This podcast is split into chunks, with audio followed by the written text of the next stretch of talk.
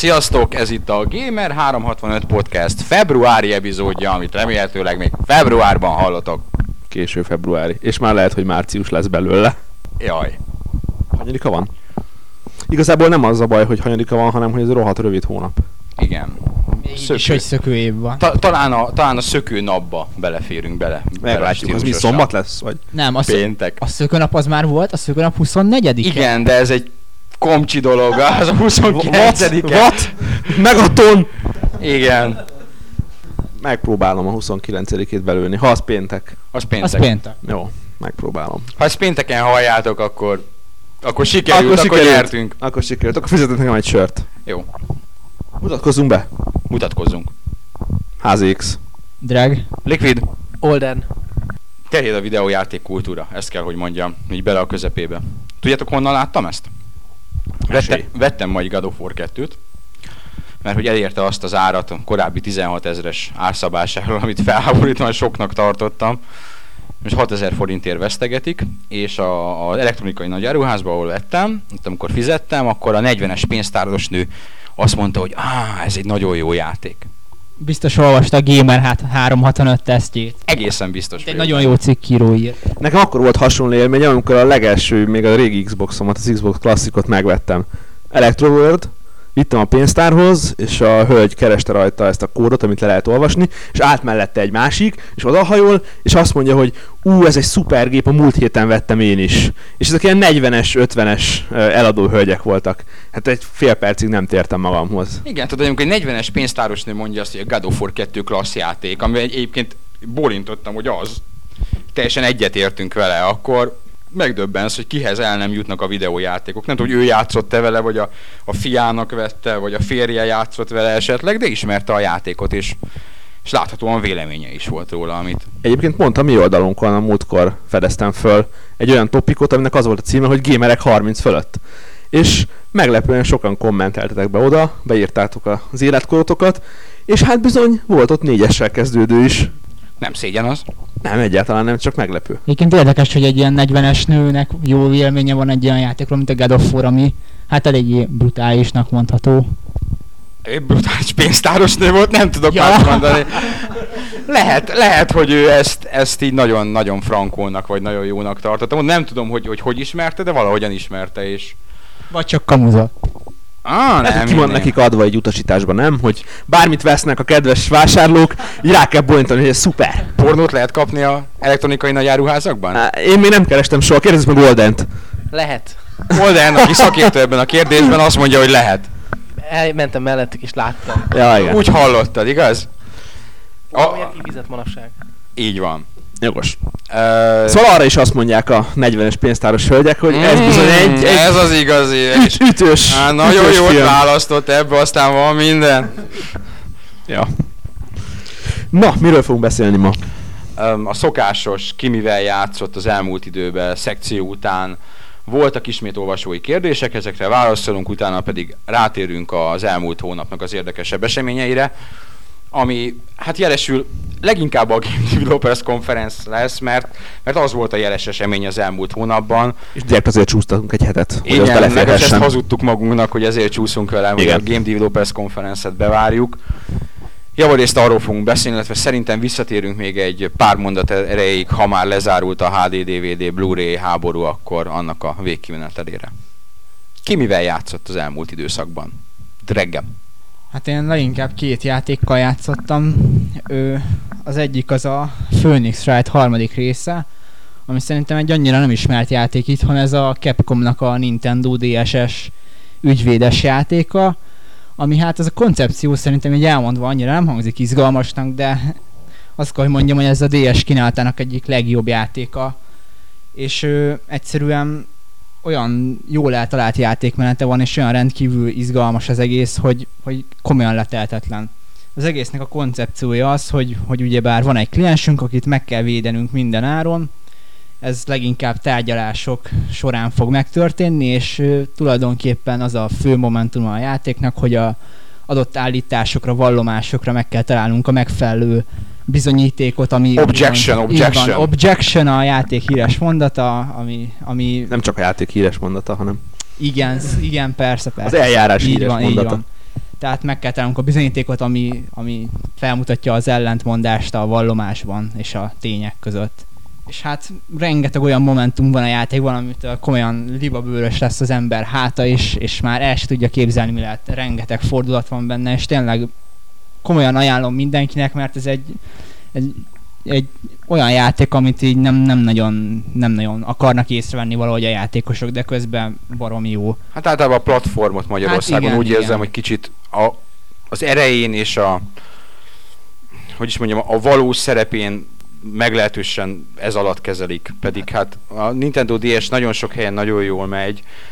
Nálunk úgy érzem, hogy ilyen kicsit a, a ki- kisbéka, a csúf kisbéka szintjén kezelik, aki van is, meg nincs is, meg an- annyira nem törődnek vele az nem emberek. áll az itteni játékosok szívéhez közel. Hát igen, nem, nem, nem egy túlságosan nyitran a gép, meg hát ráadásul egy olyan stílus a kalandjáték, ami, ami nem a leginkább menő stílusok közé sorolható. De szóval tényleg Se őszintén- fegyver, se autó. Hát igen, így van, szóval ez, ez keményen szöveges, szöveges játék, olvasni kell hozzá, kell hozzá némi angol tudás is, mert azért hát igen, gondolkozni is kell benne, sajnos, sajnos ez, ez, ez ilyen, és tényleg komolyan alá, ajánlom mindenkinek, mert rendkívül izgalmas, leteltetlen, és, és a, ez a harmadik rész kis hiána talán a sorozat legjobbjának is mondható, de mindenképp a sorozat legjobb ügye van benne, és próbáljátok ki komolyan. Mi volt a másik? A másik az a Devil May Cry 4, amiről ugye olvashattok is cikket az oldalon. 8.3! Ah, a világ vége!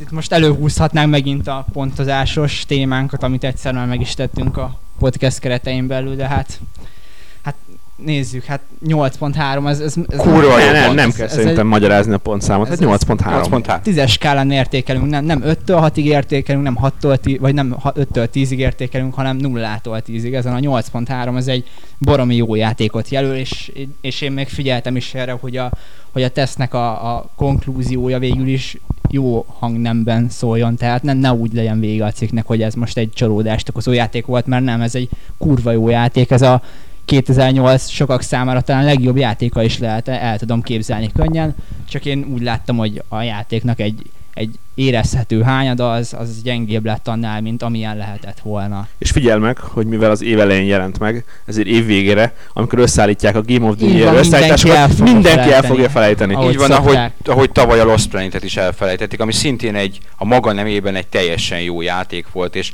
ha nem is a top 5-be, de hát egy top 10-be azért a stílust kedvelőknél mindenképpen ott lett volna. És így fog járni a most megjelenő PlayStation 3 verzió is, ami hiába lesz sokak Igen. számára újdonság. Év végére majd az új Killzone, meg a... Hát meg az összes akár- játék az ünnepi Igen. időszakban, az szépen elhomályosítja. ezek, ezeket a dolgokat. És attól tartok, hogy de ezt majd magamnál mondom, hogy a Burnout is így jár. Burnout bizony. Hát igen, ez a átka annak, hogy évelején jelentettünk meg játékot. Hát szóval a pontszám mellett még azt is kifogásolták néhányan, hogy ők nem értettek azzal, amit én leírtam, hogy, hogy ugyebár ez a unózus dántés része ez gyengébb, mint ami a Nérói, én, most, én ezt most hosszú percekig tagolhatnám tényekkel alátámasztva, hogy ez így van. Mármint ahogy leírtam, de nem akarom erre elpazarolni a podcastet. Meg- is pazarold, a bűnösök nevét felírtuk, és Így van. Szóval nem, nem, nem, nem akarok itt a fanboy dumál, mármint Devil May Cry fanboy dumával előállni, hogy, hogy a legapróbb részleteket taglalva bizonyítsam be ezeket. Azoknak a játékosoknak meg, akik ezt a részt tartják a legjobbnak, azok örülhetnek, ugyanis Dreg írt egy tökéletes review-t nekik arról, hogy a játék minden része kurva jó, neki az pont nem tetszett. Így van, így szóval nem, nem hőzögeni, hanem elismerni, neki, hogy van. én is észrevettem azokat a dolgokat, amit Dreg észrevett, tehát minden Szóval rendben van. A, aki, aki számára rendben van, az örülhet, mert ő egy színig vérig szintű tökéletes játékot kapott. Eltereljem rólad a, a 8.3 fölött érzett felháborodásnak a felhőjét? Én a hetedik pályán abba hagytam, mert meguntam. Na? Ha? Én meg bele se kezdtem. Kinyert. Nem, nekem ez a sorozat egyébként annyira nem tetszik, soha nem is tetszett. Ez a negyedik rész, ez egy, én belismerem, hogy ez egy kellemes játék. El lehet jól vele lenni, ebből a stílusból én a God of War-t szeretem. Na puf, hát ez van, édes Igazából Istenem. Nekem ez az egyik kedvenc sorozatom, óriási elvárásokkal vártam a negyedik részt, és a leírtak ellenére is azt mondom, hogy számomra megfelelt ezeknek az elvárásoknak, és tényleg nagyon jó lett. Habár én is úgy tartom, hogy most már a God of War-t mondanám, mint a stílus legjobbja, de hát ezzel lehet vitatkozni, hosszasan lehetne vitatkozni, szóval erre most inkább ne térjünk ki. Igen, hogy nehogy a Ninja gaiden is ide Így keverjük, mert a a harmadik, hogy aki azt mondja, hogy az a legjobb. Szerintem így kinek a pap, kinek a paplan. Így van, va- legalább örüljünk, hogy van választási lehetőség, minőségi választási lehetőség. Így van. Zoli? Mass Effect. Ez volt az egyik nagy elmaradásom a tavalyi évről. Én féltem ettől a játéktól, mert azt gondoltam, hogy a World of Warcraft után én már nem leszek képes nem online RPG-t játszani, illetve a BioWare-nek a korábbi rpg is sem voltak a kedvenc játékaim. Ennek ellenére egy olyan egy óra játék után beszippantott a Mass Effect, ahogy korábban a Lost Odyssey beszélgetésben is, és elmondták a srácok, egy kicsit azt éreztem, hogy elkezdett érdekelni azt, hogy mi történik a karakterekkel. És, és munkában, munkából hazafelmenet már alig vártam, hogy, hogy újra oda ülhessek eléjük, és járhassak a galaxisban körbe-körbe, és egyáltalán, hogy ezt a nagy kalandot, ezt az epikus kalandot, ezt végigvigyem. E, Abszolút pozitív csalódás minden szempontból, nagyon jó játék. Nem én értékeltem, én se adtam volna rá 10 per 10 de, de egyébként szinte mindenben csak szuperlatívuszokban tudok beszélni róla. A másik, mondjuk szintén tavalyról, ez a Sega Rally. Én nagy Sega Rally rajongó voltam már Saturnon is, Dreamcast-en nem annyira, főleg azért, mert a Dreamcast-es párkonverzió az nem sikerült annyira jól, mint megérdemelte volna a játék. Nem játszottam a 2006-tal sem, mert arról nagyon sok helyen nagyon sok rosszat lehetett olvasni, úgyhogy ezután került a kezembe a Revo, illetve hát Európa kiadásban simán Sega Rally. Sok mindenben csalódás a játék, sok mindenben nem. Egy kicsit azt gondolom, hogy a Sega nem bukott elég nagyot a 2000-es évek elején. Mert aki 2007-ben 2008-ban egy ennyire irracionálisan nehéz és genyó játékot csinál, az nem érdemli meg, hogy, hogy játékot csinálják, hogy egyáltalán megvásárolják ezt a játékát, úgyhogy innen üzenem nekik, hogy, hogy a következő játékaiban változtassanak valamit, mert ha nem, akkor is súlyos bukások lesznek. Lehet ezt a játékot szeretni vagy nem szeretni, egy igazi árkád játék, árkád irányítás, árkád fizikával, de, de túlságosan nehézre sikerült, és ez nem csak a személyes véleményem, hanem szinte egyértelműen mindenki ezt mondja, ezt panaszolja a fórumokon. A három championshipből az első épp, hogy megcsinálható, a másik kettő az teljesen irreális. Buta döntések voltak a multiplayer, a multiplayer online részében, a tekintetben, hogy csak azok az autók választhatók, amiket már offline-ban unlockoltunk, így azok a játékosok, akik már régóta játszanak vele, azok hát olyan előnyben vannak a többiekhez képest, amit teljes mértékben behozhatatlan. Ennek ellenére, aki szereti a stílust, a Ridge Racer-t, vagy a többit, azt tudom élni, legalábbis egy kipróbálásra. Aztán, hogyha beleszeret, akkor megvételre. Olden? Én leginkább a Mario Galaxy-val foglalkoztam, ami szintén a 2007-es évnek a nagy kimaradása volt részünkről, részemről, és most tesztet is olvashattatok róla. Igen, tehát már mire ez megjelenik, túl vagyunk. Egyébként nagyon nagy lemaradásunk volt ez a Mario Galaxy. Általában ennyit nem is szoktunk várni, ha már eddig nem sikerült, akkor nem, de, de úgy éreztük, hogy ez megérdemli abszolút. Meg is érdemelte, és nem, nem akartam a tesztet ilyen nagyon negatív hangvétellel befejezni, mert ott olyan kérdések merültek fel az emberben, amit ki lehetett volna beszélni, és én most erről akarok egy kicsit beszélni, hogy ö, így belegondoltam abba, hogy a Mario 64 idején mindenki platformjátékokkal játszott. Akkor tértünk át a SNES-es Én ma is azzal játszani Jó, szívesen, hogyha lehetne, ha lenne. Já, er, erről van szó, hogy akkoriban a, Mari, a Mario-nak a készítői akkor emelkedtek ki abból a nagyon nagy közegből, nagyon sok ember volt, nagyon sok ötlet került be, átvették egymás elemeit, és akkor kerültek nagyon-nagyon já- nagy játékok a ö, közönség elé, és ma már az a furcsa, hogy milyen motóik leülnek, és azt mondják, hogy jó, mit csináltunk az előző játékunkban, és akkor ezt kell továbbvinni, mert nem kell körbenézniük, mert nincs hol körbenézniük. És én nagyon kíváncsi lennék arra, hogy milyen lenne egy jó, igazi platformjáték 2008-ban. Hogy néz neki egy Jack and Dexter, az ugrálós első részhez hasonló módon 2008-ban. Mert nagyon jó sikerélménye van az embernek, amikor egy nehéz ugrálós részt átvisz, és ezt egyre kevesebbet látjuk majd játékokban. És ez rossz valamilyen szempontból. Mert ez egy ugyanilyen nagy konkurencia játékok között most az FPS piacon van. Ott van az, hogy ötletek felmerülnek, egymástól veszik el, és él, pezseg a piac, főleg mondjuk Xbox 360 És szeretném, hogyha a platformjátékok valaha visszatérnének, bár valószínűleg nem fognak. Hát igen, én is nagyon sajnálom, hogy ez a stílus kialni látszik, de hát ez valószínűleg annak tudható be, hogy a platformjáték mellett ez egész egyszerűen túl egyszerű, vagy nem elég összetett ahhoz, hogy, hogy ma is kielégítse az igényeket. Ezt jól mutatja szerintem a Jack and Dexter és a Ratchet Clank is, ami eleinte platform, nem, nem szintis, de platform volt eleinte de azért inkább a felé tendált, és mégis mi lett belőlük. Igen, de emellett meg hatalmas piaca van az egyszerű casual játékoknak. fegyverek és autók, és ezt nem, nem utoljára fogom ma mondani, és nem is először. Nem, hát a, a konkrétan, hát mind a recset, mind a, tehát pláne a, a jack, A jack. Ott, ott konkrétan fegyverek és autók kerültek bele. Mert ez volt a piaci igény. Illetve hát a Sly Cooper is átment GTA-ba a harmadik részre. Így van.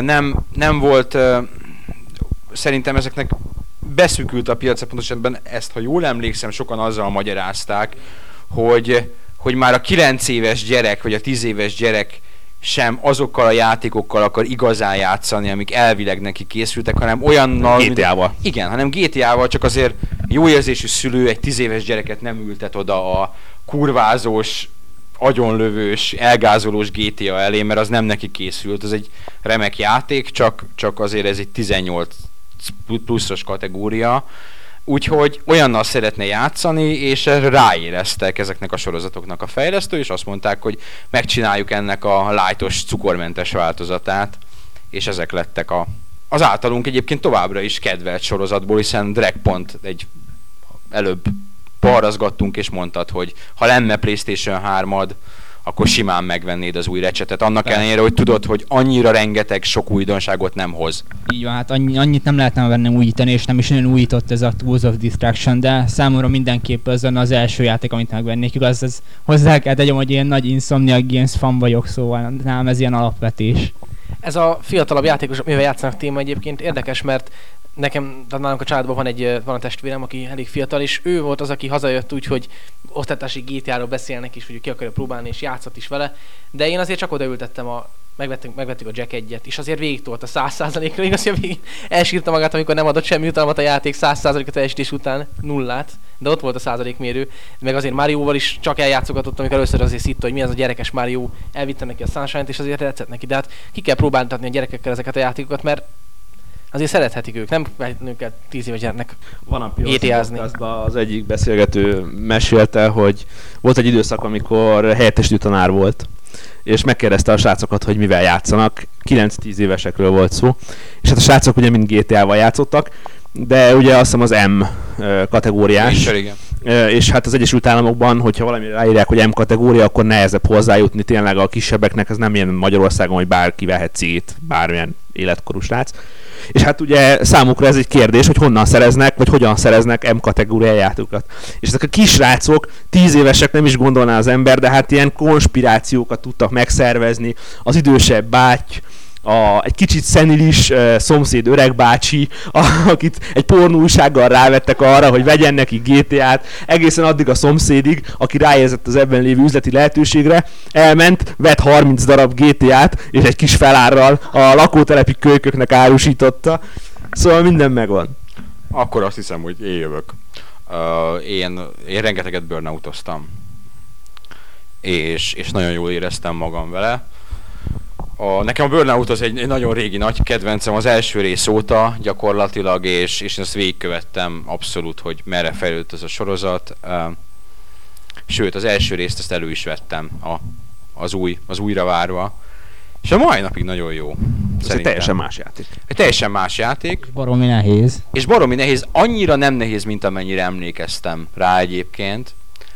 És én a Gamecube-os verziót kértem most kölcsön, és teljesen jól el lehet vele lenni. Grafikailag sem olyan, pedig az egy az előző generáció elején megjelent játék volt, és, és teljesen korrekt. Tehát egy egyszerű a maga nemében, hiszen ott egy nagyon szűk időkorlát, és nagyon lassan töltődik a boost. Tehát aki mondjuk a Takedown-tól a harmadik résztől kapcsolódott be, és visszamegy ehhez, a nagy, nagy megdöbbenések és nagy meglepetések, meglepetések érik. Igen, akkor még nehéz volt tölteni a boost métert. nagyon, Tehát akkor, egy, egy kör, egy, egy full, full kör a pályán. és aztán nagyon gyorsan el is fogyott.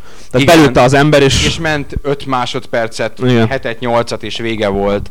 És ugye hát e- ha ütköztél, elvesztettél Elvesztettem, így mindent, és kezdődött előről nagyon lassan. Tehát ott, ott nem volt az, hogy megnyerhettél egy versenyt úgy, hogy a, a cél előtt két kanyarral még utolsó voltál. Amit a mostani burnoutokban már meg lehet nyerni.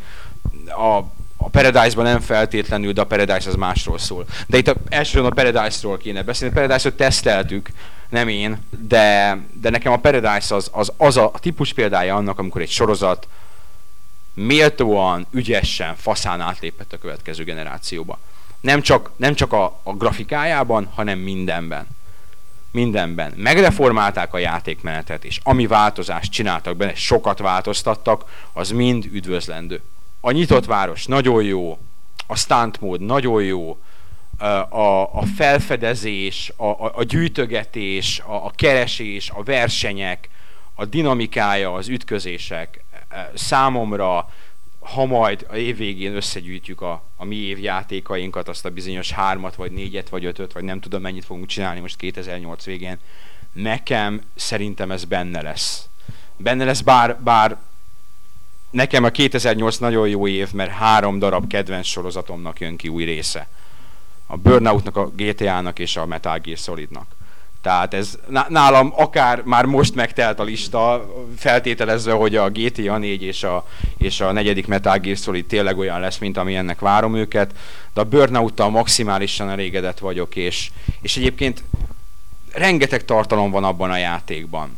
És az egyetlen gond, hogy a restart hiánya, az se olyan nagy gond, mert, mert mindig van mit más csinálni. Tehát hiába viszel a város ellenkező részére, akkor kezdesz egy másik versenyt. És, és, és csinálsz mást, vagy, vagy elmész stunt challenge-et csinálni, vagy csak szórakozni. Nagyon-nagyon-nagyon-nagyon. A, ha a negyedik rész, a Revenge egy bőr lehúzás jellegű, keveset újító valami volt, ez annak pontosan az ellentetje. remek és a plusz kategóriás folytatás, és tényleg Criterion Rules mindenképpen én most nagyon-nagyon, ismét nagyon szeretem őket. Mindig is szerettem őket, de, de most megint nagyon szeretem őket. És, és nagyon kíváncsi vagyok, hogy ezek után mit tudnak csinálni. Mert... Csináljanak egy új blacket, amit nem fognak sajnos. Igen, amit sajnos tagadnak. Pedig, hát pedig inkább tagadják, mint hogy nem csinálják szerintem. Nem, de nagyon sokszor letagadták. Nekem a Black is nagyon bejövős dolog volt a, az első része, és, és nagyon megnézném azt, hogy mit csinálnak ilyen vonalon a jelenlegi hardware mert az, az, az akkori hardvert nagyon kihasználta az a játék.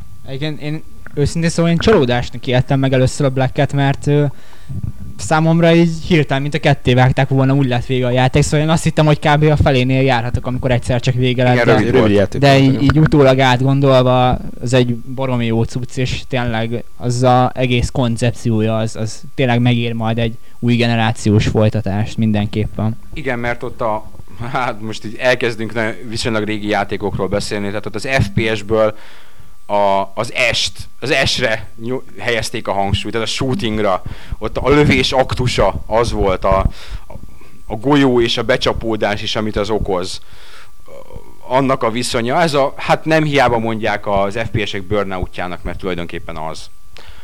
És nagyon jó lenne. De most, most megint lesz új burnout talán egy éven belül, és remélem, Igen, hogy nem, nem, nem az lesz, hogy valamiféle Paradise Remix, ugyanaz a város félig átdolgozva, mert szeretném, ha ez továbbra is, és nem, nem, szeretném, nem szeretném évente látni továbbra sem. Bármennyire is Electronic Arts, és ők bármennyire is szeretik ezt csinálni.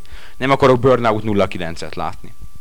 De egyelőre itt a Paradise, és, és a Paradise az nekem úgy tűnik, hogy most nagyon sokáig elég lesz, mert, mert tartalom van benne, tehát a, a, a jogosítványok, és az elit jogsi, és a, itt kifejezetten megyek az achievementekre. Ritka az olyan játék, ahol achievementekre megyek, de itt látom értelmét, és, és, és benne vagyok nyakig. A másik a Lost Odyssey. Lost Odyssey-ről azért nem beszélek, mert szenteltünk neki külön szekciót. Ott, ott mindenki meghallgathatja, hogy, hogy mit gondolok, illetve Tunyóval együtt mit gondolunk a játékról, illetve most már egészen biztos olvashattátok a tesztet és hallhattátok, úgyhogy gyakorlatilag múlt időben beszélek róla. Jó, itt szerintem ezt a szekciót le is zárhatjuk, és lépjünk Térjünk tovább a, az olvasói kérdésekre. Olvasói kérdésekre. Havi körkérdésként azt szeretném föltenni, hogy szerintetek melyik a legszebb kétdés játék? Ez egyébként egy jó kérdés. jó kérdés, mert, mert rengetegféle válasz létezik rá, mert azért kettődés játékok története az egy a mai napig tartó dolog, és, és, és elkezdődött 30 éve, és nem titkoltan nekünk nagy nagy szerelmünk a, továbbra is a, a, a 2D. Ugye szubjektív dolgok következnek. Számomra a legszebb 2 játék az a Dreamcast-en a, a Marvel vs. Capcom második része, ami egy szerintem a kettődés verekedős játékok egyik grafikai csúcsa, gyönyörűen néz ki, gyönyörűen van animálva, és, és az egész színpalettája, hogy mozog, kedves a szememnek továbbra is. Ma mai napig elő szoktuk venni baráti körben. Mert egyébként a játék is jó. Ha, ha kedvencet kell megnevezni, akkor ő az. Szerintem mindenképp érdemes megemlíteni a Odin Sphere-t, ami ugye már most jelent meg nemrég PS2-re, illetve Európában majd még csak most fog. De ott fantasztikus, hogy kinéz, tehát a sprite azok gyönyörűek, a háttér az tele mozgással, mindennel tényleg modernkori kétdés grafika, gyönyörű, és, és ezt mindenképp nézzétek meg, mert szerintem annyira nem ismert játék, mert egy, egy kimenő platformon jön, és ráadásul RPG stílusban, szóval valószínűleg nem ismeritek annyira, de mindenképp nézzetek utána, mert tényleg fantasztikusan néz ki.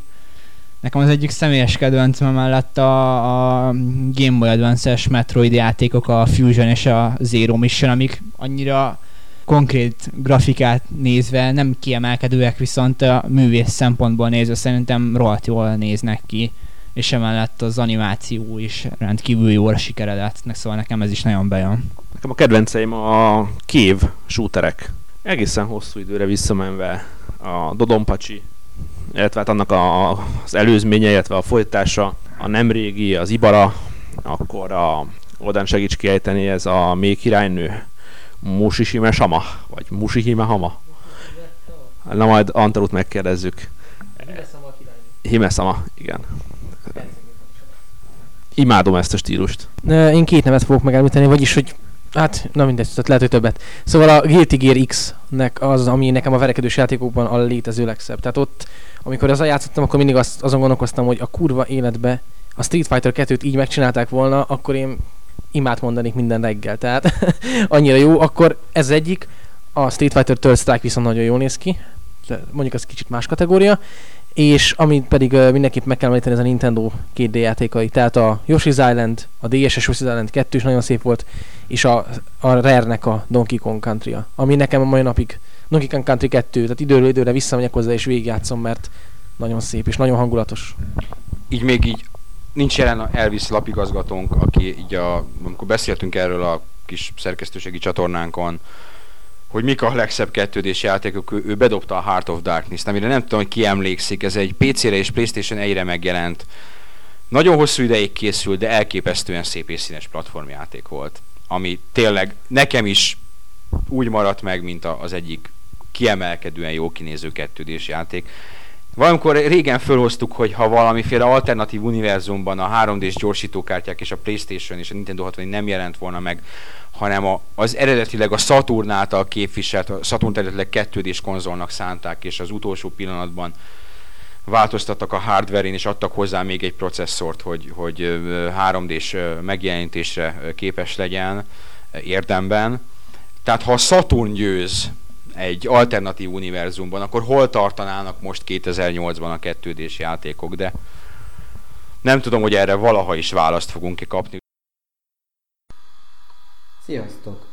Ez lehet egy kicsit furcsa kérdés lesz, de ti a Guitar hero mennyire találjátok casual játéknak? Mert szerintem teljes mértékben az.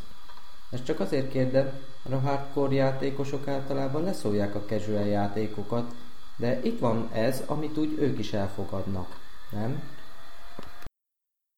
Ö, hosszú. Igen, mi legyen. Halványnak gőzöm sincs. Na, szerintem a Guitar Hero ez egy olyan játék, ami casual és hardcore egyszerre. Tehát... könnyen belépnek a casual viszont a hardcore játékosok is abszolút megtalálják benne a kihívást, a Igen, ez mind magasabb fokozat. mind a kettő a, casual ember az easy el van vele, teljesen jól. Nyilvánvalóan nem, nem fog, az easy sem úgy fogja venni, hogy most akkor leül és azonnal el, a, végig fog menni bármin. Nem, de az easy azt gyakorlatilag bárki megtanulhatja. A médiumot már nem. A médiumot már nem. A hard pedig éppen mondtam, hogy az nekem a, ott az már sok. Tehát Egyébként sok más játék kapcsán Biztos, is. és, és tudom, hogy valakinek nem sok, és az Ákus azt szokta mondani, hogy Hardon az igazi. Én ezt el, akár el is hiszem. De sok más játék kapcsán is felmerült az a kérdés, hogy Vajon hardcore játékosok-e azok, akik casual játékokat nyomnak hardcore szinten?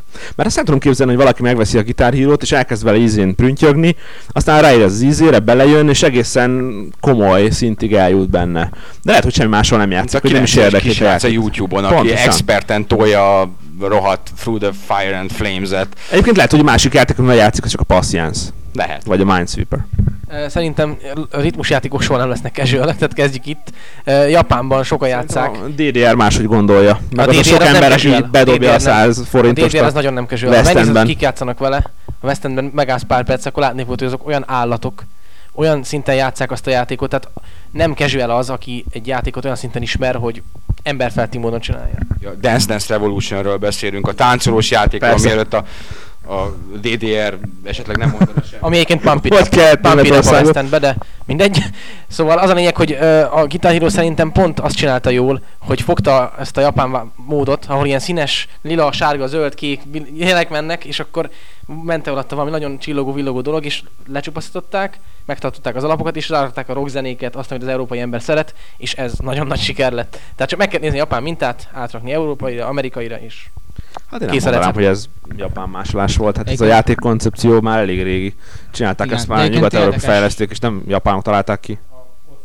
Érdekes Hát, az- azért, amit a Guitar Hero végezett, mert ugye ez a stílus így inkább PS1-en kezdett elterjedni, ez a ritmus játék, zenés játék dolog, de annyira nem volt neveztő népszerűnek, és akkor most csak maradjunk a Harmonix-nél, ugye ők a PS2-n a Frequency-vel és az Amplitude-dal kezdték, amik Rétegjátékok voltak. így van, abszolút rétegjátékok voltak, és ez igazából erre a két játékra alapozva építették meg a gitáriót, mert tulajdonképpen a rendszer az egésznek nagyjából ugyanaz, és mégis látszik, hogy mit Persze. sikerült elérni. És Tehát, tehát két- látszik, hogy inkább a körítésen múlik. ez az 2007 egész. legsikeresebb Így játéka lett. van. Egy olyan játék, ami drága, mert nagyon drága hozzá a kiegészítő. És amit már nem a Harmonix csinált. És amit már nem a Harmonix csinál, de hát a kettő is sikeres volt, de hát a három az mondom 2007 legsikeresebb játék volt, és 2007-ben azért voltak játékok még úgy, úgy mellette nagy nevű, nagy példányszámba futó játékok. Ez amikor egy stílus eléri a mainstreamet, és az alapján, hogy elérte a mainstreamet, igen, ez egy casual játék is nyilvánvalóan, nyilvánvalóan nem csak azért azok vették, akik a, a Vánt experten játszák rajta, hanem azok, akik és a Guitar Hero tökéletesen alkalmas erre, leülsz, kicsit fáradt vagy otthon, benyomod a kedvenc zenédet, és úgy, úgy végig pengedgeted, és jól érzed magad, mert jó érzést ad, még a legalacsonyabb nehézségi fokozaton is. És ez a jó játéktervezés Az teszem a válasz, hozzá. hogy nincs válasz. Nem tudjuk, hogy casual játék. Igen, és meg nem is. Lehet mind a kettő. Akkor beszéljünk a A történésekről. optikai formátumokról. HD DVD versus Blu-ray. A harc eldőt. Eldőlt. Eldőt bizony. Az egyik fél kidőlt, a harc eldőlt. A Blu-ray megnyerte a csatát, illetve inkább azt mondanám, hogy a. HD DVD elvesztette a csatát. És a Blu-ray pedig talpon maradt. És egy szép új világban a történetünk egy konzolos podcastben itt véget is érne. De nem így történik, mert el kell magyaráznunk. De, de nem, nem, itt nem, nem magyarázkodni kell. Ez nyilván a Gamer 365 nem foglalkozik mozival például. Kérdeztétek, hogy miért nem tettük ki az Indiana Jones trailert, meg a Kutyafasza trailert. Remek mozis oldalak vannak szerintem Magyarországon és a világon, és, és mi, mi videó, videóval, meg, meg audio-videó technológiával sem foglalkozunk. De erre van, én nyitottam egy ilyen topikot. Ha bárkit Eh, jó, érdekel, hát, szívesen látjuk. Hír és tartalom szintjén nem, ne, kevésbé foglalkozunk vele. Itt kizárólag egy dolog miatt érdekes ez a formátum 3, ez a PlayStation 3. Semmi más. Ami Egyébként érdekli az érdekes. olvasókat, tehát az összes ilyen hírhez több száz hozzászólás érkezik. És ennek mi nagyon örülünk, hogy ez így van, és ez valóban egy érdekes téma. És azt tudom mondani, amit szerintem talán már tavaly is beszélgettünk kicsit erről, még a Warneres döntés előtt, vagy tavaly év elején, még a, még a po- podcastjeink elején valamikor szóba került, hogy itt a zászló egész végig a Blu-ray-nek állt. Tehát aki kicsit is tájékozódott itt, és utána olvasott, és megnézte, hogy hol áll a harc, az láthatta, hogy itt ennek a dolognak értelemszerűen egy vége lehet az, hogy a Blu-ray nyer. A kérdés az volt, hogy mikor. Hát igen, a, ugye a Sony az tulajdonképpen arra feláldozta a Playstation 3-at, hogy ők megnyerik ezt a Legalábbis a formátum PlayStation háborút. 3 élettartalmának az első egy-másfél Hát igen, igen, évét. igen. A, ezért indult a PlayStation 3 600 dolláron. Nyilvánvalóan, amikor amikor kijött a 600 dolláros PlayStation 3, ami mindenkit rosszul érintett, aki játékos volt, mert azt mondta, hogy hú, 600 dollár, pláne 600 euró, a kurva életbe. Hát ez nagyon drága. És ilyenkor azért a- Sony-nál sem őrültek dolgoznak, ők nagyon jól tudták, hogy a 600 euró az nem az az ár, amiért a gépet úgy fogják vinni, mint a cukrot. Tudták, ennek ennyire kiadták, azért, mert nekik ezt a formátum háborút írd és mond meg kellett nyerniük. Erre volt szükség, ennek volt nagyobb prioritása. A PlayStation 3 ezt szolgálta, és mint kiderült a számokból, amit most a HD DVD úgymond halálakor kiadtak, hogy HD DVD-ből összesen 700 ezer darab fogyott világszinten, ennek a fele Xbox 360 HD DVD kiegészítő volt, vagyis szarul ment. PlayStation 3-ból meg fogyott 10 millió ugyanennyi idő alatt, vagyis rá tizenvalahány szorozott a Blu-ray. Kész, és itt a vége, tehát ennyi. Ennyi. Ennyi. Ez megnyerte, megnyerte, ott volt a PlayStation 3. A vége felé már a standalone lejátszóik is jobban mentek. Nem, nem akarok itt bele, csak annyi, hogy a PlayStation 3 tulajdonosok nem annyira vettek Blu-ray filmeket, tehát pont az, hogy bár nagyon kevés arány vett filmet, mégis olyan mennyiség ez, hogy ez pont elég volt ahhoz, sőt még több is, hogy eldöntse a háborút. Tehát nagyon durva az a 10 millió, hanem csak az 10%-a vesz filmet, már az is sokkal nagyobb szám, mint amennyi a Hát igen, pont, ez volt a lényeg, pont ez volt a a, lényeg, igen, hogy alapján- így van. Így van, és De a lényeg, a lényeg, ez nem befolyásolja a konzol háború, ha van ilyen kimenetelét. Ez nem csökkenti a- az Xbox 360 értékét semennyivel. Talán a PlayStation konzol értéket annyival növeli, hogy a PlayStation egy kitűnő Blu-ray lejátszó. Ha én ma vagy holnap Blu-ray lejátszót szeretnék venni, én is PlayStation 3-at vennék. A tudása és az egyéb jellemzők alapján. Ennyi.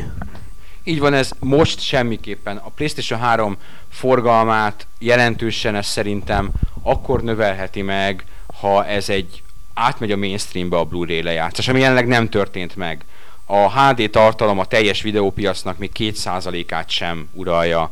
Tehát ez jelenleg egy kis szegmens, és tévedés ne essék, a váltás meg fog történni. Tehát akik, ak- akik most azt mondják, hogy jaj, mert a DVD mindenre elég, meg az embereknek örökké.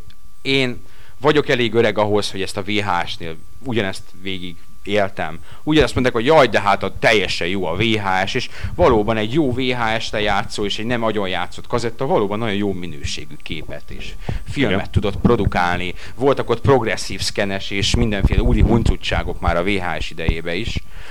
De a DVD leváltotta.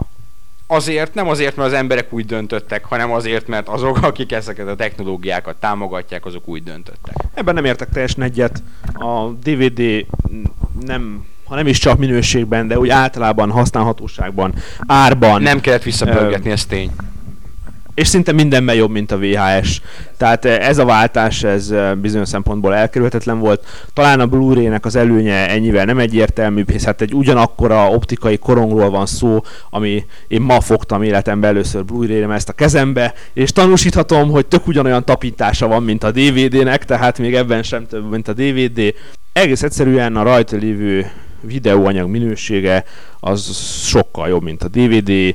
Aki egyszer arra adja a fejét, hogy HD TV-t vegyen, azt úgyis elkapja a, a láncfűrész, És a géphenger, és előbb-utóbb át fog váltani. Nem feltétlenül Magyarországról beszélünk, mert sok visszatérő kérdés, hogy ez mi magyaroknak mit jelent semmit.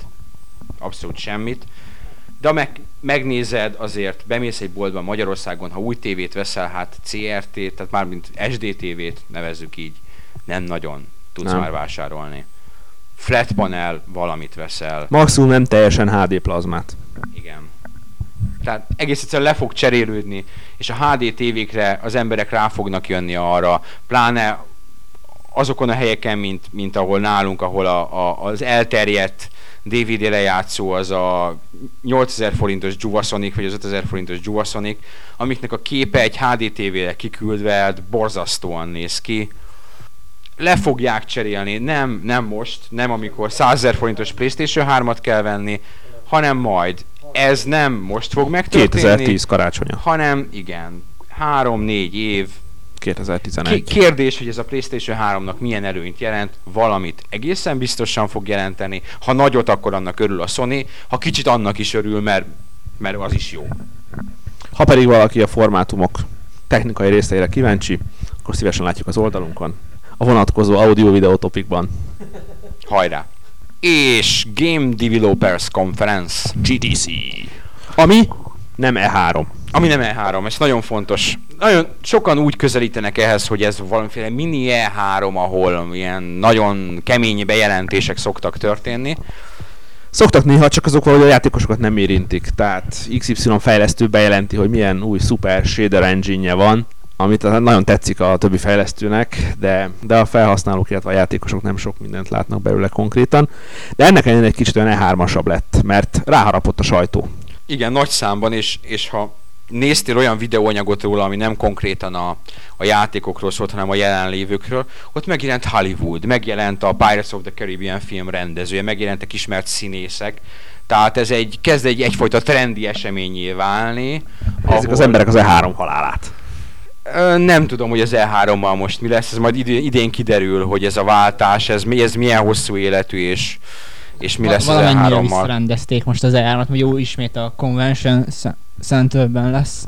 Bizonytalan minden esetre, nem? Bizonytalan most az egész E3-nak a sorsa. Hát persze, szóval igen, szóval ez a tavalyi váltás után kicsit bizonytalan valóban, meg ugyebár nem voltak túl jók a visszajelzések a tavalyi után, szóval hát meg nincsenek, se, nincsenek jó helyzetben a rendezők. Az se túl jó hír, hogy így 4-5 hónappal a rendezvény előtt még bizonytalanságok vannak, hát ilyenkor már a, a programnak, meg úgy általában mindennek hát már készen kell lennie. Lefoglalva a helynek, kifizetve a szerintem nem látunk rá erre a részére. Ez igaz.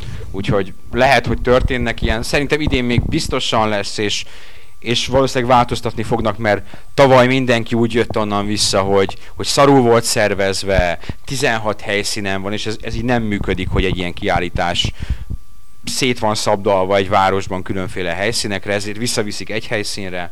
Hát nem, a, nem az E3 az egyetlen, ahol változások történnek, ugye, hanem a, az mi a minket jobban érintő Games Convention is Bizony.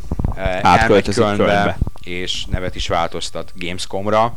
Pedig amellett, hogy érzékeltük azt, hogy ez egy Lipcsében nem igazán jó, jó volt ez, tehát maga a kiállítás jó volt, mert a Lipcsei Vásárközpont az több, mint elég arra, hogy befogadja. És sok helyen olvastam, hogy a, azért megy át, mert hogy a Lipcsei Vásárközpont nem elég nagy.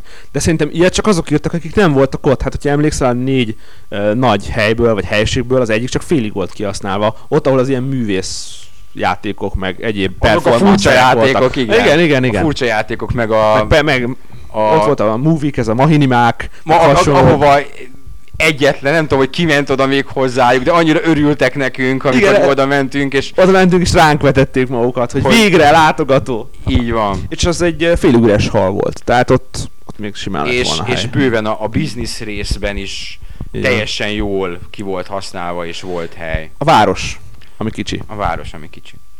Egész egyszerűen lehetett olvasni, hogy ezen a héten, ugye ezen az augusztusi héten nincs hely a városban, és ez tényleg így volt. Oda mentünk, és nem találtunk szállást. Hát nem is nagyon erőködtünk előtte. Vittünk a sátrat. Vittünk a sátrat, hogy ha más nem, akkor a kukoricásban. Fogjuk felverni a Gamer 365 idéglenes headquarters-t. Uh, headquarters-t.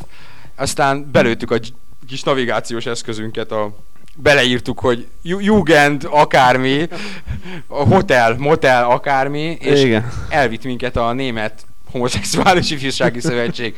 Nem, nem az volt a nevük, nem tudjuk, hogy milyen ifjúsági szövetség, meg évfél már elmúlt, és, és beléptünk végül. A lényeg, hogy kicsi a város. Tehát, kicsi a város. Tehát lépni kellett, és hát az lett belőle, hogy átmentek különbe. Ami számunkra nem jó, mert másfélszer olyan messze van. Viszont megy repülő. Viszont megy repülő, ez igaz. Igen. Úgyhogy aki a fórumunkat olvasgatva nagyon sokan tervezik azt. És ne értsétek félre, és nem akarok senkit sem visszatartani attól, hogy, hogy Németországba látogasson és megnézzen egy ilyen nagy játékkiállítást. Én az őszülő fejemmel látogatóként nem mennék oda. Nem. Nincs értelme. Egész egyszerűen azért, mert annyian vannak, tehát amit leírtunk ott, hogy ez ilyen száz valahány ezres, ez, ezek tényleg ennyi ilyen száz valahány ezer ember, ott van, és, és, és néha iszonyatos a tumultus. Persze lehet, hogy ez vala, valakinek egészen biztosan nagy élmény, és már mi nem látjuk benne azt a csodát, mert hogy, hogy megjártuk már ilyeneket, és láttunk máshonnan, és, és másképpen tekintünk rá, de, de azért ez talán a, kis, a szűkösség ott is érződött, hogy vagy talán hosszabbnak kéne lennie, nem tudom. Én amikor, amikor megnyitották konkrétan a látogatók előtt, tudni kell, hogy van egy sajtónap, amikor zárva van a látogatók előtt, és csak a sajtó van bent. És még ott is, azért sajtó is volt bőven, tehát ott sem volt az, ott hogy, sorba kellett állni. hogy néha sorba álltunk. És amikor beengedték a népet, akkor ott, ott vége volt. Tehát ott Igen, azt tele lesz a tel lesz a világ. messze. Na, térjünk vissza a Game Developers Conference-hez, kicsit Szóval- elkalandoztunk. A sajtó megrohamozta a GDC-t, és ezt sokan szóvá is tették. Nem is volt ilyen a korábbi években. És hát a következő dolgok derültek ki. Igen, kiderült az, hogy lesz Gears of War 2, amit szerintem a sarki újságáros is tudott már. Tehát annyira nem, nem volt az nagy újdonság. Mindenki tudta, hogy lesz. Nem tudtuk, hogy mikor, de lehetett sejteni, hogy idén lesz. És hogy 360 exkluzív, ex, exkluzív, csak kimondom a francba. Kizárólagos. Ú, PC-n lesz? Várjál, az könnyebb, kizárólagos. Kizárólagos, igen, az könnyebb. PC-n szerintem majd lesz, mint ahogy az előzmény is lesz, de, de nem idén. Majd egy év múlva. És, és tulajdonképpen ennyi, Ennyi. mert volt egy Nem rövid, tudunk róla semmit. hát rövid tech demo, de az nem a játék volt, hanem a- az új, új nevezük 3.5-ös Unreal És, motornak. és a Epic azt mondta, hogy ez, ez nem konkrétan a Gears of War 2-ből van szó, ezt, ezt, csak ezt használták fel hozzá. Hát benne volt Markus, tehát Hát, de Hát igen, de láthatóan demo pályák voltak, tehát ezek ilyen Így van. funkcionális pályák voltak, nem. Teszem hozzá, hogy amikor az Unreal Engine 3-at először megmutatták, még jóval a Next Gen konzolok megjelenés előtt a sajtónak, az, az a Gears of War volt, ami ott ment, így utólag. Tehát valószínűleg azok a, az effektek, meg, meg azok az új feature-ök, remélhetőleg az a sok ellenfél is, nekem az egyik legnagyobb problémám a gears az, hogy kevés az ellenfél, az mind szerepelni fog valamilyen formában a, a játékban. És hát volt a teaser, ami hát tényleg a hangulat csinálás, a láncfűrész, a csata. láncfűrész, ami alátámasztani látszik azokat a plegykákat, hogy több szerepe lesz a közelharcnak, mint korábban. De tényleg itt, itt, itt Ennyi- megáll a tudomány. tudunk sajnos. Megáll a tudomány. A, ami még volt, és érdemes róla beszélni, Xbox 360 vonalon az a Fable 2. van. Nagyon van szép. Még, hát nem tudom. Tehát úgy Molinak a, Moli nőnek a játékai, vagy Molinónak a játékai, Molinő, a Molinő az más. Molinő, Molinó. Az utóbbi években valahogy úgy, ja, nem tudom, hogy fogalmazzam meg. Valahogy úgy, Nem feleltek meg az elvárásoknak? ahogy kisodródtak a mainstream, meg a streamnek a szélére, nem? Igen, az... Tehát ő, ő nem most kezdte ezt a szakmát, ezt Nyilván. így, és neki mögötte nagyon sok minden áll. Közte sok olyan játék, ami nekem, nekem hatalmas kedvencem. Szerintem ő, igen, tehát a, a félből volt konkrétan az, ami, tudom, hogy, hogy ezt sokan újdonságként élték meg, nekem az egy nagy csalódás volt. Hát meg főleg azért, mert nagyon sok mindent vártunk tőle, éppen az ő elmondásuk alapján. Igen. Egyre nagyobb elvárásokat támasztottak a játékkal szemben, és ezt ő maga turbozta nagyon fel. Szerintem ő már túl van a csúcspontján, a píken, azon a bizonyos ponton, amikor még a legjobbat meg tudod, el tudod készíteni, és utána már inkább csak azt üldözöd. Úgy, mintha a regényíró megír a tökéletes regényt, és utána szeretném már ezt ő elmondani, is, de ő is ezt mondta magáról. Minap volt egy interjú vele, és ő is azt mondta, hogy úgy érzi, hogy az utóbbi években ez már egy failure, amit ő csinál, mert hogy nem sikerül megmozgatni a játékosokat. Nézd, de ő azt hiszem, hogy, hogy ő már ott inkább ilyen, hol a designerként mindig fel van tüntetve a neve ezeknél a játékoknál, de azt hiszem, hogy ő már inkább a, a, inkább a Miyamoto szerepébe lépett. Tehát ahol Miyamoto-val reklámozzák az új Máriót, holott hát nem Hát ő nem ő csinálta. Kis túlzás, Nem csak ő- a nevét adja hozzá. Igen, tehát ő, ő már csak a nevét, ez olyan, mint a, a Tom Clancy kicsit, ahol a Tom Clancy a plegykák szerint nem is látja azokat a játékokat, és, és nem is érdekli a, a csekket váltja be a bankban, amit a Ubisoft-tól kap. Igaz, ez egy más téma, hogy Tom Clancy nem, nem designer, Hát hanem, író. hanem csak egy író, de, de nyilvánvalóan amellett, hogy Molinő felügyeli ezeket a projekteket, és hogy, hogy Miyamoto is felügyeli, de Miyamoto a hírek szerint hogy 30 projektet felügyel egyszerre, ahova bemegy és azt mondja, hogy ezt igen, ezt nem. Hát igen, tehát Miyamoto-nak szerepe az volt például a Galaxy-nál is, hogy kért három különböző zenét például, amikor a zenét választották ki, három különböző típusú zenét kért, és ö, megcsinálták a zeneszerzők a zenéket, és akkor azt mondta, hogy jó, akkor ez lesz. Tehát ő, mondjuk a Nintendo-nak legendás az, hogy több koncepciót ö, versenyeztetnek egymással, és amelyik a legjobb, Miyamoto szerint, meg a vezetőség szerint azt nyomják. Tehát ő náluk így inkább a választó, ő választja ki a munkák Igen, a tehát nem, nem konkrétan ő az, aki Nem ő termeli meg megtervezi a- a, pályát, nem ő vagy aki tervezi meg- létrehozza a tartalmat.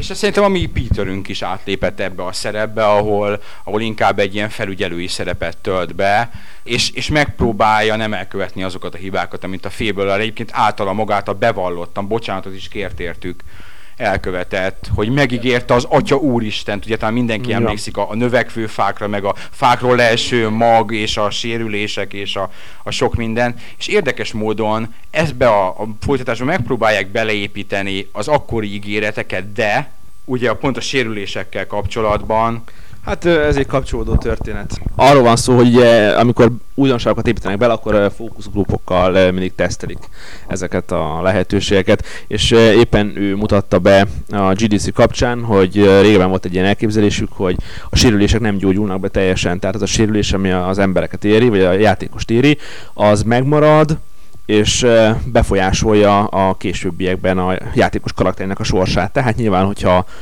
a keze vagy a lába sérül, akkor sántikálni fog, kevésbé tud harcolni, és illetőleg ez befolyásolja azt, hogy ehhez a karakterhez hozzá, hogyan viszonyulnak a, a játékban lévő NPC-k. És hát bizony ezt a játékosok nem szerették. Nem szerették, olyan, nem szerették, hogy ki is vetették a játékból, úgyhogy ez nem lesz benne a végső produktumban. Hát belegondolva, tény, hogy ez először nem hangzik jól, hogy hú, ilyen jól hangzó feature-t kivettek a játékból, de azért ha jobban elgondolkozik rajta az ember, akkor még csak rájön, hogy ki akar egy Hogy- sántával így van, harcolni. szóval Szóval van, van egy olyan szintű realizmus a játékokban, ami- amiben már nem érdemes belefogni, mert az már csak csökkenti a játék Így van, és szerintem ez a felhozott, a fanő is leesik a mag, és abból újabb fanő. Ez is egy olyan, így, így nagyon frankó hangzik, de így a, a belegondolsz, te egy játékba ott azt nézed, hogy most kinőtt ott egy fa, vagy nem nőtt ki. Hát ki a faszt érdekel, hogy, hát, hogy fa nőtt, vagy nem Emlékszel, nőtt, Old, te, is bokor szoktál a, te is szoktál a SG-n fórumozni, és hogy gyakran feljön a, a szimulátor rajongók versus a konzolos játékosok közt, és ott mindig felhozzák a szimulátor rajongókkal szembe, hát hogy hol a picsába érdekel az, hogy most számításba veszik a guminak a melegedését, meg a kopását azon az autóversenyen. Persze, aki szimulátorokkal játszik, valószínűleg nem érzi ezt a játékban, de megvan benne az a melengető érzés, hogy ebben a játékban bizony az is figyelembe van véve a fizikai engine-ben, hogy a gumi nézd, hogy melegedik. Szimulátoroknál ezt még adott esetben meg is értem, mert, mert, mert vannak autóbuzik, és, és vannak, akik ezzel képesek elszórakozni. Tehát most faszimulátor, érted? Az, a- nincs, nem hinném, hogy rajongó tábora van annak, hogy aki a fákat szereti nézni, nőni, és hogy milyen új fák nőnek. Hát meg és erre processzoridőt, meg erőforrásokat Igen, pocsékolni egy játékban. Pontosan, mert a, az emberek talán tévedésben vannak, azt hiszik, hogy ezek a következő generációs konzolok valami végtelenített csodamasinák, amik, amik majd ö, Hát a még szel, iszonyatos... szuperkomputer. Igen, a sz- szuperkomputer, ami iszonyatos erőforrásokkal, igen, valóban ezek egyébként nagyon erős és uh, frankón összerakott célhardverek, de hát véges. Hát Itt is a teljesítmény. El kell dönteni azt, hogy, hogy mire. És, és vannak, lehet látni, hogy vannak kompromisszumok. Meg kell nézni csúcsjátékokat, mint a Halo 3-at. Ott is lehet látni, hogy mit tettek Felbontás. bele. Igen, a felbontást.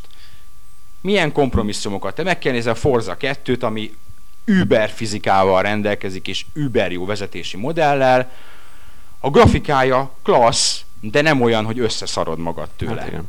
kompromisszumok, kompromisszumok, és ezek meg fognak maradni.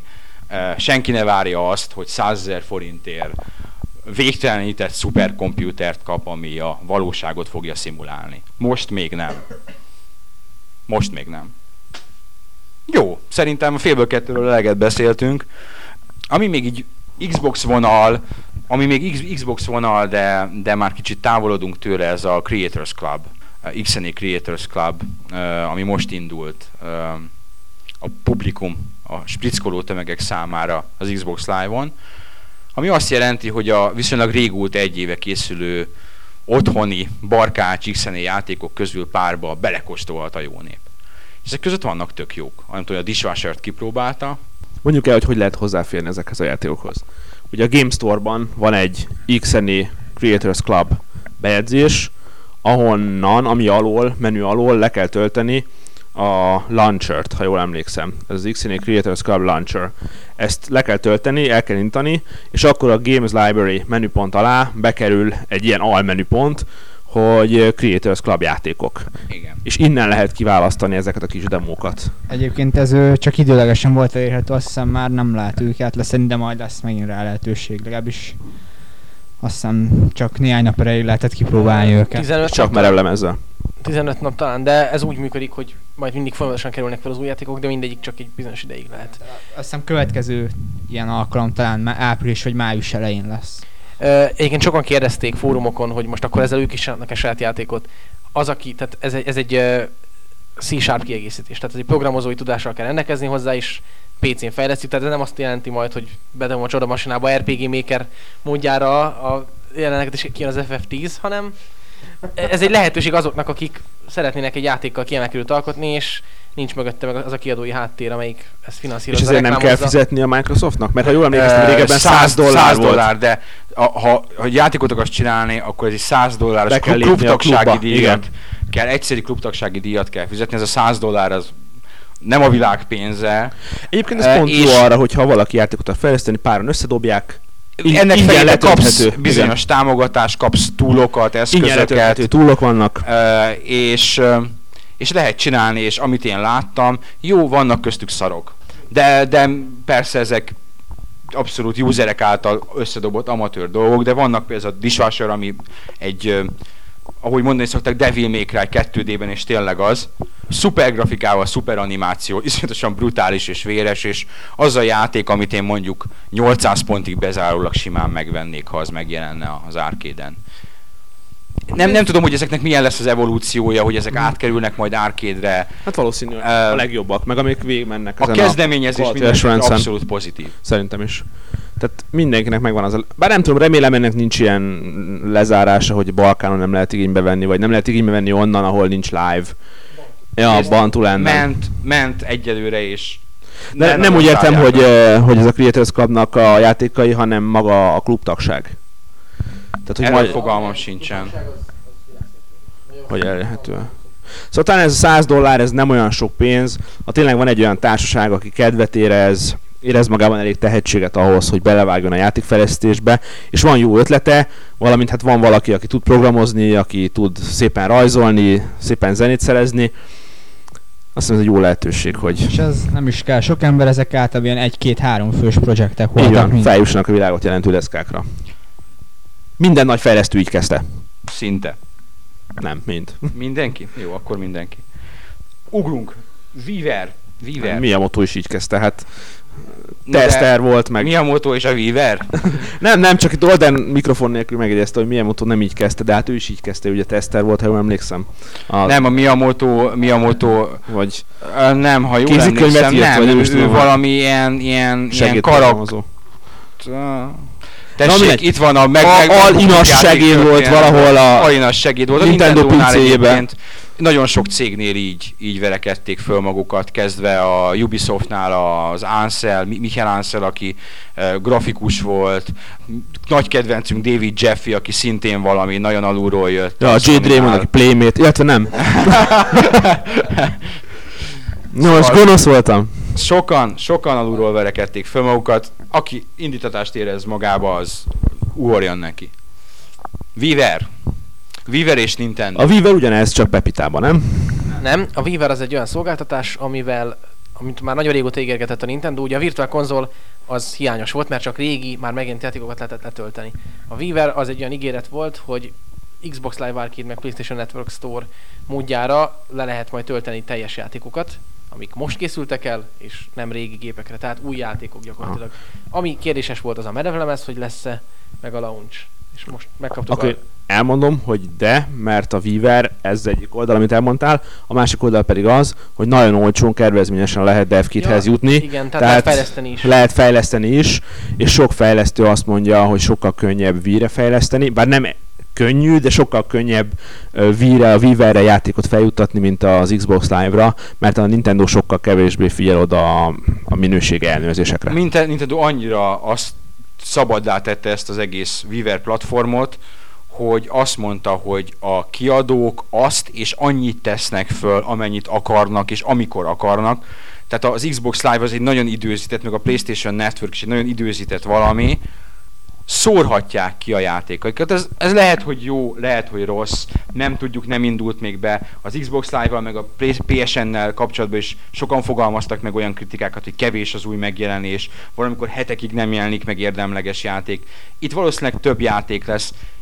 Ez viszont fölvet egy problémát, az, hogy ezek hol fognak tárolódni, Így van. ezek a játékok, amikor a Wii-nek egy meglehetősen korlátozott félgigás, amiből kb. 200 megát használnak a csatornák, illetve maga a rendszer szoftver, itt egy 300 megabyte körüli tárterületről beszélünk.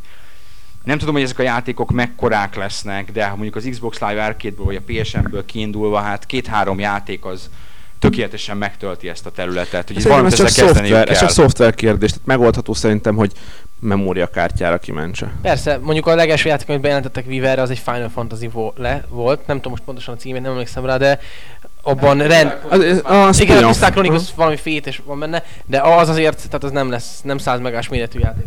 Ring of Fates talán. Tehát az, a, az a játék az valószínűleg merelemet fog igényelni, mert Hát vagy nagy memóriakártyát, tehát vannak már. hát jó, de 8 valószínűleg gigás SD gigánál magasabb kártyák is. letöltés lesz, tehát így kell vele számolni. Memóriakártyáról nem tudsz jelenleg Hát jelenleg nem, de hát majd módosítják ugye a firmware hogy tudjon. Vagy kiadnak egy külső HDD-t. Igen, én én is azt mondom, hogy egy külső, Külső lemez. külső merev lemez lenne itt a megoldás, mert hogy, hogy azért a, a memóriakártyák tárolókapacitása is uh, De azt, um, mondjuk nekem nincs Vim, de azt az, hova lehet dugni? az olvasási sebessége. SD kártyát? Hova lehet nem, bedugni? külső vinyót. Van, van port, van USB port, amire rá lehet dugni. Vágom. És ö, ezzel, ezzel vagyunk bajban mindig egyébként, hogy a Nintendo még mindig titokzatos. Bejelentik ezt, bejelentik ezzel párhuzamosan azt, hogy lesz downloadable content, azaz letölthető tartalom, és bejelentik azt, hogy egyes Wii játékok online fizetősek lesznek, amire nagyot néztünk, mert ez egész egyszerűen zavart kelt. Ez a MMO-kra jellemző, ami át Wii-re valószínűleg nem lesz. Mert- Xbox Live-ra. I- A Goldra. Xbox Live Goldra, játékonként fizetsz ugyebár, hanem Ott nem, hát más lesz a és business modell. de a helyzet az az, hogy szerintem a jelenlegi alap Nintendo online szolgáltatásért nem lehet pénzt. Tehát lehet fizikailag, csak ki az, aki azért fizet. Nem, a- a nem, egy, egyszerűen nem, nem, egy, nem egy egységes szolgáltatás, tehát azért már meg pofátlanság úgymond pénzt kérni. Jó, de hát a pofátlanság, sok mindenért kérnek pénzt, amiért én sosem fizetnék, és van, aki fizet. Lehet, hogy majd aki fizet a online szolgáltatásért, annak a miének lehet punk haja is. És akkor egy csomóan azt gondolják, hogy az ő miüknek punk haj kell, és fizetnek egy csomó pénzt. Nem tudom, hogy, hogy az lenne ennek a platformnak a jövője, ahol a Mario Kart onlineért fizetni kell. Tehát, tehát ben, bennem például az a, a kedvet úgy erősen kijönni. Jó, hát Nintendo-ról bármit el tudok képzelni ezt is. És most nem, nem rossz vonatkozásban, hát ők is a piacról élnek, azt látják, hogy van egy cég, a Microsoft, aki nagyon sikeres abban, hogy pénzt kér a multi játékért. Zoli, de az Nagy... kibaszott Xbox Live. Jó, hát Tehát- jó, de az mennyibe kerül? Tizenvalány ezer forint egy évre, ők meg csak 5000 forintot kérnek, arra hivatkozva, hogy az ő live szolgáltatásuk korlátozottabb. Most nem ez a lényeg, hanem az, hogy ha van egy sikeresen, egy jól működő üzleti modell a piacon, akkor a Nintendo miért ne csinálná meg ugyanazt? Hát végül is. Azért, mert valószínűleg egy nő, eh, ha éppen alkalmi szexpartnert keresne magának, és hajlandó fizetni is érte, akkor lehet, hogy a George Clooney-nak vagy a Brad Pittnek fizetne, neked és nekem viszont nem. Nagyjából ennyi a különbség a kettő Hát között. nekem lehet, érzek- fizetne, neked nem. Na. Figyelj, figyelj, meglátjuk, visszatérünk rá egy fél év múlva. És meglátjuk, hogy kinek volt igaza. Hogy ki ismerte jobban a Nintendo-t. Jó, persze. Én, én nem, a, nem a, a be, bevezetés tényét vitatom, vagy hogy ezt megcsinálhatják, hanem a létjogosultságát az egésznek. Ez az Xbox Live-ért hajlandó vagyok fizetni. Azt mondom, hogy ez olyan szolgáltatás, olyan, ah, nem tudok magyarul beszélni, feature listával, olyan szolgáltatás listával, De- olyan, olyan kiépítettséggel, ami azt mondom, hogy oké, okay, ez nekem itt megéri. Igaz, nem nagyon tudnék más csinálni, mert maximum durcásan a sarokba vonulni, és azt mondani, hogy gonosz Microsoft, nem fizetek nektek. Csak azért, csak egy- egy dologért fizetsz. 4 meg Burnout. Egy dologért fizetsz, a multi játékért. Minden más elérhető Silver account is. Így van, a multijátékért fizetek. Meg, egy héttel előbb töltheted a... Wow! Igen, meg, meg azért, hogy a multijátékba úgy be tudom hívni a barátaimat, hogy közvetlenül. Jó, a multi játékért fizetsz végül is. Igen, ami egy jó kiépített rendszer, a multijáték. Tehát magyarul függetlenül a live minden más feature-jétől az, hogy te fizetsz a goldért. Nem, nem független, mert, mert integrál volna az összes jelentős feature a voice chattől kezdve a frenzisztáig a, a multijátékban. Mindegy, nem akarok meggyőzni, ez tényleg olyan dolog, hogy Nem, úgy, mondom, úgyis hogy- kiderül pár hét múlva, vagy pár hónap múlva. Valószínűleg ki fog derülni. Azt mondom, hogy MMO jellegű tartalomért reális pénzt kérni, nem MMO jellegű tartalomért, viszont szerintem a vásárlók elriasztása a játéktól. Mivel most gyakorlatilag úgy vezetik be ezt, hogy a, olyan játék dobozán rajta lesz majd a Wii online matrica, és akkor majd fizetni kell. Tehát biztos nem olyan lesz, hogy fizetsz évente 5000 forintot, és akkor majd játszhatsz. Az hanem ez darabokra van szedve, darabokra lesz szedve, tehát valószínűleg ha lehet, hogy a játék multikért fizetünk majd, de ez annyiban lesz jó, hogyha XY azt mondja, hogy én ezért a játékért akarok fizetni, mert ez annyira jó. Teszem azt Mario Kart. Én is nagyon szomorú lennék, de ha nagyon elgondolkozok, akkor lehet, hogy még a Mario Kartért hajlandó lennék fizetni, mert az egy olyan játék nekem. Az szerintem probléma.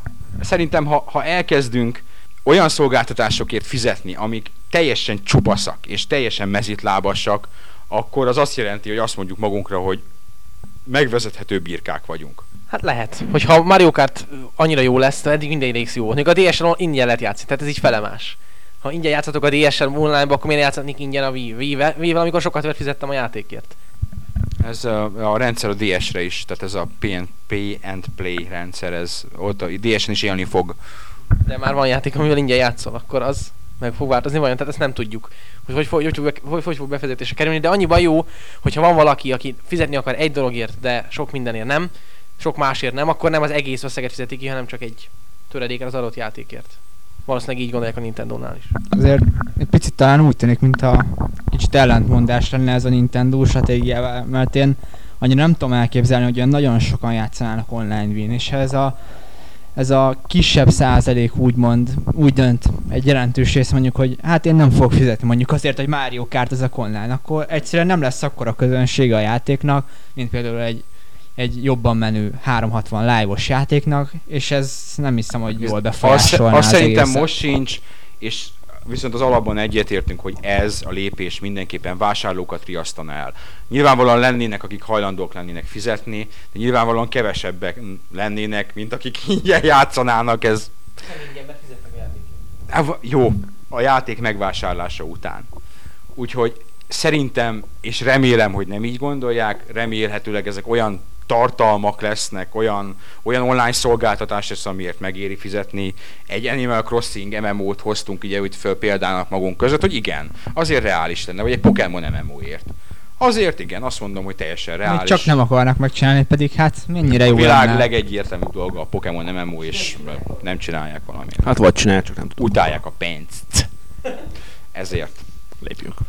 Úgyhogy, de mivel mondom, a fő probléma az, hogy, hogy ismételten nem árultak el semmit. Csak hogy valami lesz, srácok, és, és most itt mindenki gumicsontozik ezen, hogy vajon mi lesz. Tulajdonképpen hülyeség, mert majd egyszer úgy is kiderül aztán majd. Akkor lehet vasvellát, meg, meg szurkot, meg fákjákat ragadni, és menni, megégetni őket, hogyha a Mario Kart online vagy a Európában a fél évet csúszó brawler majd fizetni kell. Amiért most szidjuk őket a brawler. Ez, az két mondatot azért megérdemelnének. Ez basszus. A dögök. Az a baj, hogy nem ez az első sajnos, szóval már de- megszokhattuk tőlük. Azért, és i- ilyet hazudni, hogy, hogy azért, mert nem Mi- tudnak nem eleget tudnak gyártani. eleget. Regi, ba, gyertek ide, ismerem a DVD nyomó üzemet a szomszéd faluba, lenyomjuk azt az egymillió példányt, amit eladtok belőle az első egy hétben. Hát beszarok, Utálnak minket. gyűlölnek. De miért? És viszont a wifi-t megkapjuk Hiro- Hiro-. Hiroshima Hát miatt. engesztelésül Köszönjük szépen! Fogyhatunk. Hát szerintem azt gondolják, hogy ez ugyanaz a banda. Amerikában megjelent időben. Téved. Ez nem, nem, nem Nagasakiért, meg Hiroshimáért bosszú ez valami. Nem tudom. Talán de mi a motót itt, amikor Európába járt egy francia, behúzta valami sarokba, és megbüntette, és úgy gondolta, hogy ezek a franciák, ezek az európaiak, és basszák meg. Vagy az is lehet, hogy a Nintendo még a korai éveiben, 1800-as évek végén játékkártyáival Európában próbálkozott, és nagyon csúnya bukás volt, aztán be, ilyen volt egy ilyen lista, és akkor Európa kihúzva. Oda azóta nem szabad. Így, így a régiók végén ott sorakozik. Ah, ja. Úgyhogy fiúk, ez így kurvára nem lesz jó, hát ez a, át, általunk szerintem a talán a legjobban várt ilyen vís játék volt. Jó, a No More Heroes, amiből kiszedték a vért, azt is köszönjük alássan, mert nem, nem vagyunk érdemesek arra, hogy egy ilyen játékban... Helyette pénzspriccel, mit akarsz? É. Ha? Helyette pénzspriccel. De hogy pénz. Dehogy nem, ilyen coinok meg kis füzék. Fekete bizbazok. Ne hülyeskedj már. De. Na, ne. Ne. Szoktunk drágálkodni, de most olyan szakadna elő belőlem, amit tényleg nem hallhat az fekete senki. pixelek spiccelnek meg coinok. Ilyen aranyszínű. Hát, jó, akkor, Az. akkor vehetünk egy NTSC svít. Ez Következő van. témánk. Következő témánk az, az, az pedig, hogy a PC-s játékok meghaltak. Ah, leáldozott a PC-s játék. PC-s játékoknak végre, hosszú idő kínszenvedése után eljött az a pillanat, amikor a GDC-n ketten állították egybehangzóan a előbb már elmegetett Peter Molyneux és, és Cliffy B, a, az Epic uh, designere, hogy itt bizony a helyzet tragikus, sőt eljött a vég, és ha a Warcraftet és a Simset kihúznánk, akkor nem lenne, nem maradna más. De Ami mondjuk így is van. Nem De így van. mi- Miért kéne kihúzni őket egyébként? Hát igen, ez olyan, mintha ha a Halo 3-at és a Call of Duty 4-et kihúznánk most az őszből, Meg a Guitar Hero 3-at. meg a Guitar Hero 3-at, akkor, akkor hirtelen nem lennének eladások. Az az igazság, hogy nagyon sokan tévhitben vannak ezekkel a PC-s játékokkal kapcsolatban. Én személy szerint is rengeteg olyan embert ismerek, akik ö, olyan játékosok, akik ö, real-time stratégiával, FPS-ekkel, különböző logikai játékokkal, tehát ilyen gondolkodósabb dolgokkal játszanak, és egész egyszerűen nem tudnának konzolon játszani. Most lehet mondani, hogy megjelenik az RTS, lehet portolva 360, de most őszintén nem lehet irányítani úgy, közelébe se ér. Megmutatok Hát egy Starcraftost, aki 10 éve Starcraft-tal játszik, olyan dolgokat csinálna egy 360-as emberrel, hogy azt se tudná, hogy hol van. Nem, nem, nem csak ez, és nem csak az irányító, hanem általában ez, ez egy számszaki tévedés. Az emberek kiindultak egy darab dologból, ami, ami egy ősszel volt hír, hogy a Crysis gyengén nyitott Amerikában, meg az Unreal Tournament gyengén nyitott Amerikában. Aztán, hogy kiderült egy hónap múlva, hogy a Crysisból simán elment egy millió. Pedig még a hardware-nek van mit fejlődni ahhoz, hogy a Crysis eléri a... A nagy a hardware igényű, szupergépigényes Crysisból csak elment egy millió. Valve nyilatkozat GDC-n a PC-s Half-Life 2 Orange Boxból többet adtak el, mint a két konzolon együttvéve. Sokkal. Miért? Azért, mert, mert PC-n van egy olyan, hogy digitális disztribúció, amit a, az MPD egyébként nem mér, csak a bolti példányokat. Jelenleg PC-n ez egy viábilis és jelentős terjesztési csatorna, mint kiderült. Ennek ellenére is azt gondolom, hogy bajban van a PC-s gaming.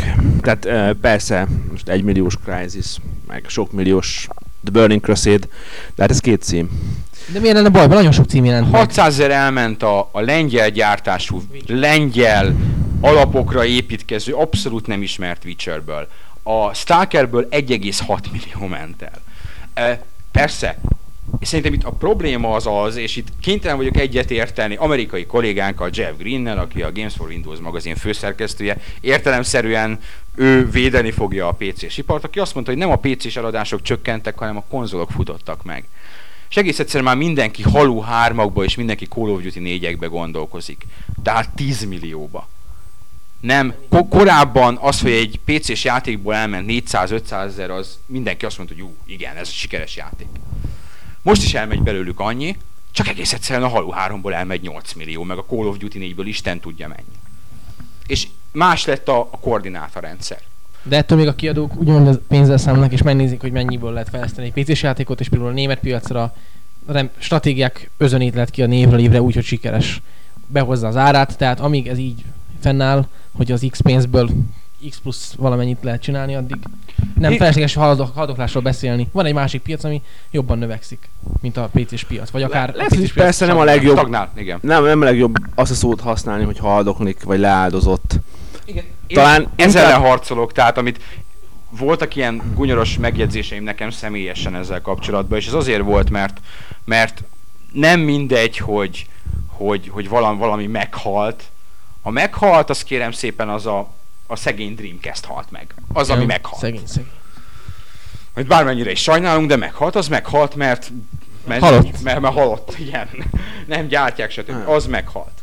Az meghalt. A PC az szerintem egy továbbra is egy abszolút kellemes platform, amit, amit lehet konzolokkal együtt művelni, de akinek arra van igény, és olyan játékokra van igénye, aki a, a Sins of a Solar Empire című űrstratégiát előnyben részesíti bármelyik ősszel megjelent konzolos akciójátékkal vagy autóversennyel együtt, és ez nem az ő érdemeiket csökkenti, azok rendkívül jó játékok, amik ott vannak.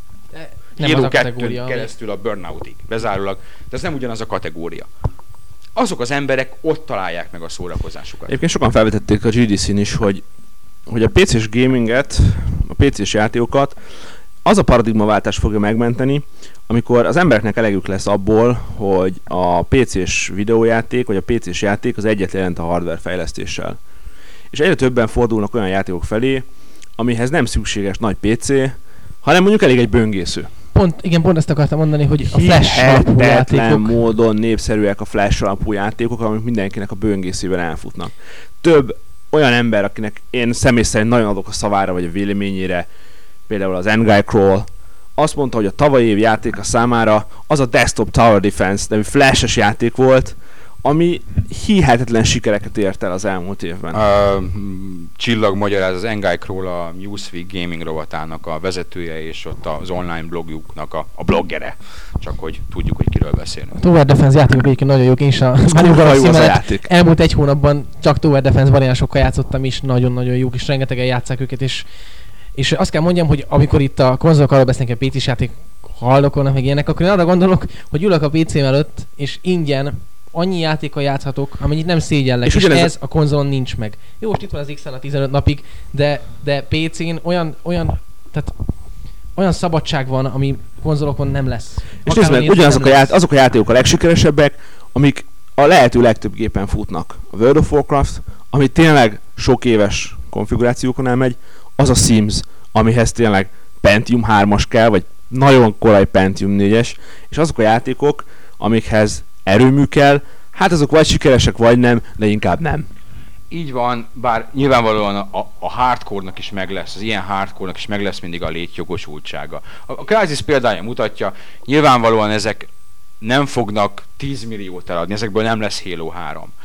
De azért meg, megvan mindig az a közönsége, aki, és ez bármennyire is tudom, hogy sokaknak visszás, hogy jaj, mert meg, megvette évente a videokártyát, ez viszont már az ő döntése.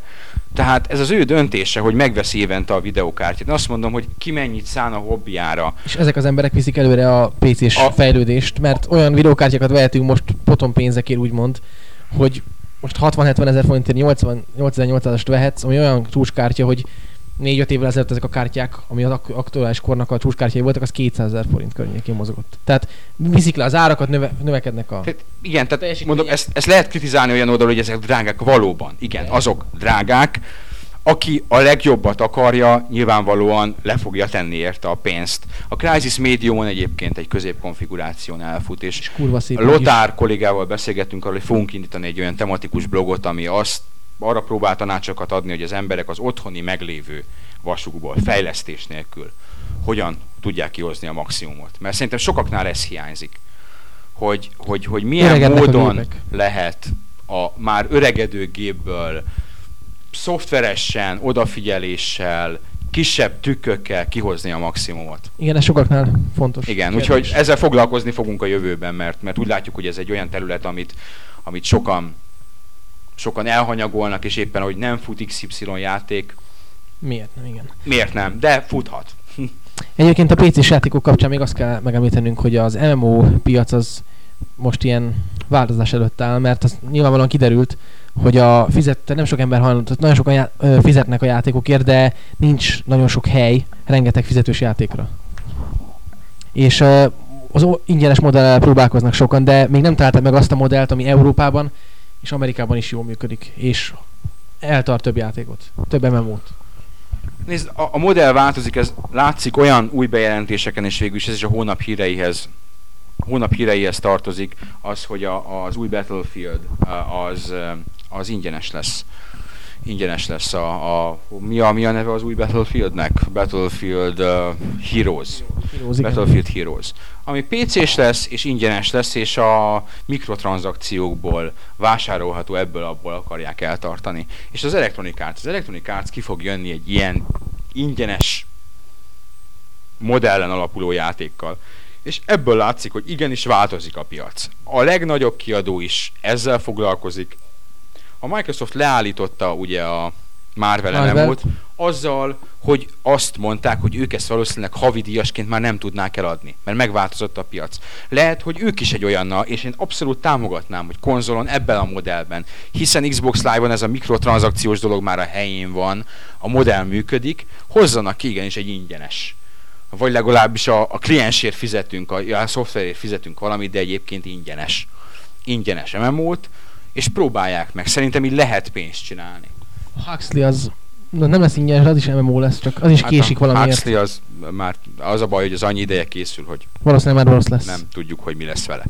Tehát én azt mondom, hogy, hogy igen, itt van, a PC-s piac jelenleg Változás alatt áll. változás alatt áll, és úgy érzem, hogy ez a pár változás pozitív. Pozitív irányú. Más lesz a digitális disztribúció, a Steam a maga 15 millió ügyfelével, a maga nagy forgalmával, meg fogja változtatni a képet, és mint ahogy nagyon sok minden, ahogy az FPS-ek uralma átment konzolokra, ahogy a, a letölthető tartalmak átmentek konzolokra, ahogy most már lassan a modolás kezd átmegyegetni konzolra. Szerintem ez az üzleti modellváltás, amit most PC-n látunk, ez lehet, hogy a következő konzolgeneráció jövőjének az egyik alapköve lesz. Legyen ez a végszó, mert indulnom kell haza. Ajaj. Valóban legyen ez a végszó. Ez volt a Gamer 365 februári podcastje. Márciusban találkozunk. Sziasztok! Sziasztok! Sziasztok!